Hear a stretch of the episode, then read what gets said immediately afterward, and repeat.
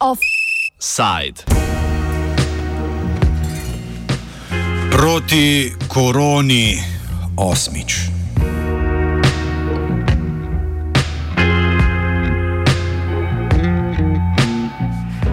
Poslanci državnega zbora so v noči storka na sredo po maratonski seji sprejeli še osmi protikoronski paket, krajše PKP-8.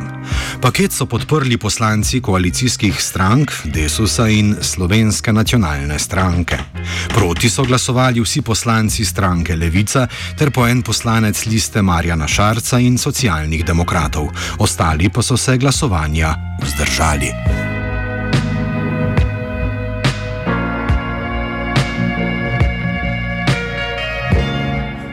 Vrednost ukrepov je ocenjena na 320 milijonov evrov. Predvsem se z novim paketom podaljšujejo nekateri že sprejeti ukrepi. Delodajalcem, ki so bili registrirani do konca lanskega leta in ki zaradi epidemije pričakujejo upad prihodkov v višini 20 odstotkov, bo do konca aprila omogočena možnost subvencije za čakanje na delo. Podjetjem v dejavnostih, ki so z vladnimi odloki zaprte, bo država s tako imenovanim ukrepom drugi bruto v celoti povrnila nadomestila plač delavcev.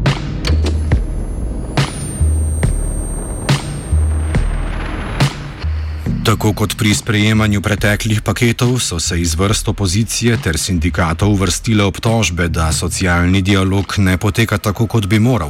Podobno pa predloge opozicijskih strank v vladi povozijo v parlamentu.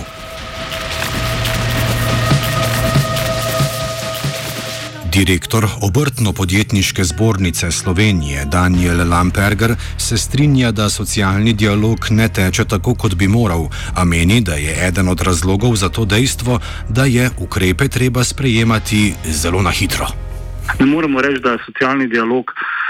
Uh, resnično teče tako, kot bi moral, ampak vendarle ne moremo pa tudi nekako eh, reči, da ni bilo truda vloženega, da bi se uskladili. Tako da jaz mislim, da napor smo vsi skupaj dali v to, eh, da pa smo se s partnerji v socialni nekako strinjali za predlogi, pa seveda ne moremo reči. Ne.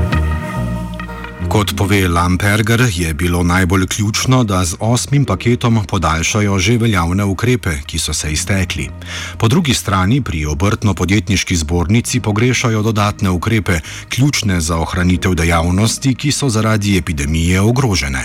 Ključna stvar je bila, da je bilo zelo na hitro potrebno sprejeti ukrepe, da se ukrepi, ki so se prenehali, katerih se je veljavnost prenehala z koncem januarja, podaljšajo. Ne, za nas je bilo seveda ključnega pomena, da smo podaljšali čakanje na delo doma, eh, da smo uh, podaljšali, podaljšali vse te ukrepe, vsaj tam nekje do začetka uh, aprila, zato da podjetniki lahko te spodbude normalno naprej koristijo.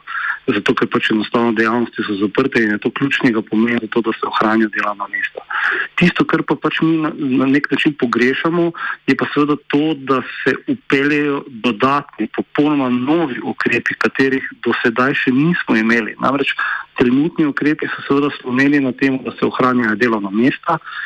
Kljub temu, da smo si vse čas prizadevali, da dejavnosti, ki so v celoti zaprte, dobijo za ta delovna mesta povrnjen celoten strošek, recimo za čakanje na delo doma, to nam je zdaj v PKP 8 potrebno priznati uspelo, pa še vedno želimo, da bo interpretacija takšna, da bo tretje drugega bruta po domače rečeno, ne, se pravi celotnega stroška, ki ga delodajalec ima z delavcem, da bo ne samo za tiste dejavnosti, ki so celoti zelo zaprte, ampak tudi za tiste dejavnosti, katerim je bistveno omejeno poslovanje ali jim je z, z ukrepom določeno uh, recimo omejitev na kvadratne metre in tako dalje. In logično je, da tiste podjetja pač ne morejo imeti v delovnem procesu vsa, vse delavce in za tiste, ki jih ne smejo imeti zaradi vladnega predpisa, za tiste je pomenilo, da se jim zagotovi celoten strošek, ki ga zatem imajo.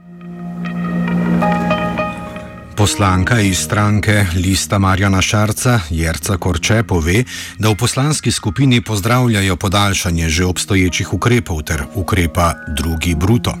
Po drugi strani pa menijo, da pomoč prihaja prepozno, poleg tega pa vlada vse gospodarske dejavnosti obravnava enako. O prepočasnosti govorijo predvsem podjetniki, ker pomoč enostavno prihaja s tako velikim časovnim zamikom, da marsikoga spravlja v res veliko stisko. Drugi največji očitek je to, da vlada enostavno ne razlikuje dejavnosti in za vse dejavnosti sprejema iste ukrepe. Vemo, da vsaka dejavnost ima svojo specifiko, enačiti ne vem, gostinca, nekega manjšega gostinca z mogoče hotelsko verigo je popolni nesmisel. Enačiti nekega cvetličarja z kozmetičarjem prav tako popoln nesmisel. Skratka, potreba je potem, da bi se dejavnosti razlikovale, glede na to, kakšne specifike imajo in temu bi morala vlada v drugem valu, ko imamo nekako časa dovolj, da se ti ukrepi selektivno pripravijo, um, bi mogla to upoštevati, pa tega ne upošteva. Lamperger pove, da se v obrtno-podjetniški zbornici do neke mere strinjajo s takšnimi zanačevanjem, a da bo v prihodnje treba več storiti za tiste dejavnosti, ki so bile najbolj prizadete. Za zdaj naj bi vlada za to vrstne dejavnosti obljubljala določene spodbude. Zdaj obljubljeno imamo, da bodo posebni javni razpisi za te namene, da spodbude bodo, ne, eh, ker v tem trenutku ukrepi veljajo pravzaprav horizontalno, se pravi za vse dejavnosti enako. Je pa res, da je v Sloveniji tako, da so številne dejavnosti pač razmetane po standardni klasifikaciji dejavnosti zelo različno ne, in zelo hitro, ko, ko pridemo do tega, da eh, v zakon zapišemo ta in ta šifra dejavnosti, tudi posebno spodbudo, potem nekoga ven spustimo.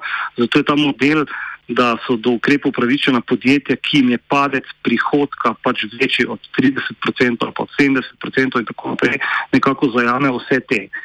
Mi pač enostavno tukaj moramo reči, da do neke točke se s tem strinjamo, ne? se pravi do točke, ko gre za ukrepe čakanja na delo doma, ker pravzaprav lahko pač v tem primeru dobenega ne spustimo. Je pa zdaj čas, da tiste branže, za katere je evidentno in popolnoma jasno, da so bile daleč najbolj prizadete in da jim samo za tem ukrepe, da se jim sofinancira delovna mesta, ne more pomagati, da bodo uh, podjetja obstala na trgu, da se ima nov mehanizem, nov ukrep, da se tudi kot taki določi neka višina izpada prihodka, ki se ga sofinancira in na ta način bomo potem ta podjetja tudi obdržali in ne bomo recimo celotnih branž zgubili. Ne. Lamperger doda, da v trenutnih paketih pomoči pogreša ukrepe, ki bi lahko omogočali zagon dejavnosti po epidemiji. Zgled vidijo v ukrepih, kakršne poznajo v Avstriji. Zelo pomemben nov ukrep in to je, da bodo podjetja dejansko nekako po vzoru Avstrije dobila pokrito tudi nek del izpada prihodka. Namreč ukrepi, ki jih v tem trenutku imamo in z vsemi varovalkami, ki so vnešene v te ukrepe, eh, niso podjetja deležna celotnega pokrivanja stroškov in mi si želimo zato, da bodo lahko normalno odprla dejavnosti, zato da bodo lahko nekako normalno začela in štartala, ko se bodo ti ukrepi sprostili, da jim je potrebno zagotoviti neko likvidnost, nek, neka sredstva in skupaj z Ministrstvom za gospodarstvo si absolutno prizadevamo, da upeljemo tako imenovani nov mehanizem, se pravi pokrivanje izpada prihodka, vse v nekaj procentih, ne, zato da bodo podjetja potem z temi sredstvi lahko nekako normalno pokrila obveznosti, ki jih zdaj imajo, namreč zdaj je likvidnost no, seveda popolnoma na dnu, ker ni dobenega denarnega toka in to bi jim nekako omogočilo, da normalno zaštartajo, nabavijo ustrezno opremo, poplačajo vse dolgove, ki jih imajo in nekako začnejo z neko novo normalnostjo. Tudi v listi Marjana Šarca vladi očitajo, da ne naslavlja obdobja po epidemiji, pove Korče. Nekak zadnja stvar smo v listi Marjana Šarca apelirali na to, da bi moral ta paket že nasloviti to, kako po epidemiji. Govorimo o trenutku, ko se bodo gospodarske dejavnosti ponovno odprle, kako bodo ta podjetja zagnala svojo proizvodnjo oziroma svojo dejavnost. Govorimo naprimer o tem, da vemo te konkretne primere, recimo mikropivovarji, a, ki bodo morali v bistvu praktično vse v svoj pridelek oziroma um, pivo, ki ga imajo in jim bo pač propadlo, zliti stran novega oziroma svežega denarja, da bi lahko pa zagnali ponovno potem proizvodnjo, pa pač enostavno nimajo, ker govorimo o nekih manjših podjetnikih, ki so svojo dejavnost mogoče celo pred kratkim postavili nekako na noge in tega denarja ni, tako da mi smo apelirali na to, da se začne razmišljati o tem, kako posameznim dejavnostim pomagati z zagonskim kapitalom, da bojo, ko odprejo svojo dejavnost, lahko sploh ponovno zaživeli. Eden od glavnih ukrepov v PKP-8 je subvencija delodajalcem za zvišanje minimalne plače v prvi polovici leta 2021, v drugi polovici leta pa razbremenitev delodajalcev pri plačilu prispevkov za socialno varnost za delavce v delovnem razmerju. V stranki Levica so opozorili, da se s tem spodbuja izplačevanje nizkih plač, saj tisti, ki izplačujejo višje plače, ne bodo prejeli ničesar. V listi Marjana Šarca po drugi strani podpirajo umestno rešitev v obliki subvencij za čas pandemije. Korče. V trenutnih razmerah smo v listi Marjana Šarca nekako naklonjeni temu, da se je našla neka umestna rešitev, smo pa upozorili spet na to, da dejavnost ni enaka dejavnosti. Vlada bi morala predhodno, preden se je lotila tega um, torej subvencioniranja minimalne plače, vendarle pripraviti neko analizo, ker vemo, da recimo nek trgovski center oziroma uh, trgovke, ki so na minimalnih plačah, imajo trgovske verige uh, dovolj dobička oziroma niso bile v sami epidemiji prikrajšane, da bi jim ta dvig lahko predstavljal kakršen koli problem. Seveda pa so dejavnosti, ki uh, so bile prizadete oziroma so v zmanjšanem obsegu obratovale in bi v epidemiji jim ta dvig lahko predstavljal velik problem in je prav, da se takim pomaga tudi z subvencioniranjem. Torej, mi smo naklonjeni, da se, iščo, da se je našla umestna rešitev, bi pa si želeli, da bi uh, se na nek selektiven pristop uh, obravnavalo tudi to, kdo je tisti, ki dejansko mu nekako pripada oziroma bi bil upravičen do uh, samega subvencioniranja. V obrtno-podjetniški zbornici si na tej točki predvsem želijo, da bi se dejavnosti postopoma in ob upoštevanju varnostnih ukrepov začele ponovno odpirati.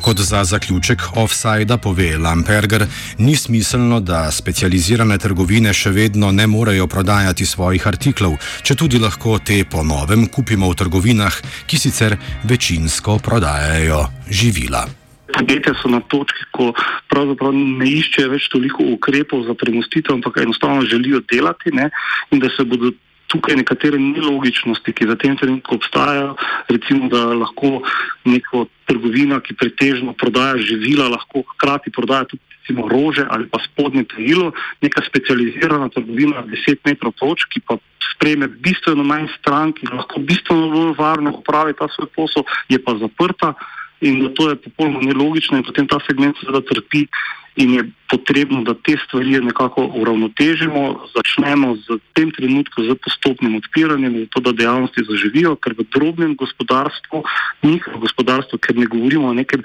masovnem poslovanju ali pa da na eno mesto pride bistveno veliko število uh, strank, lahko te dejavnosti ob upoštevanju seveda ustreznih ukrepov varnosti, se pravi razdalja, nošenje mask, prisotnost omenjenega števila ljudi v lokalu lahko dejansko dejavnosti upravljajo upravljamo zelo, zelo varno in izkazalo se, da te niso vir okužb.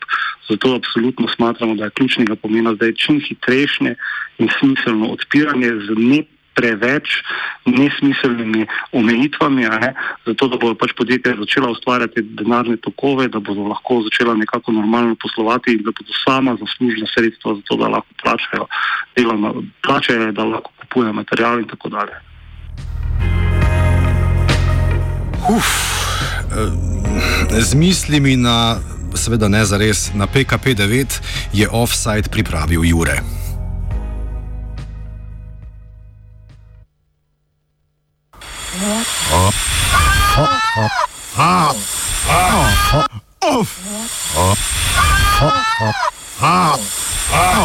Offside.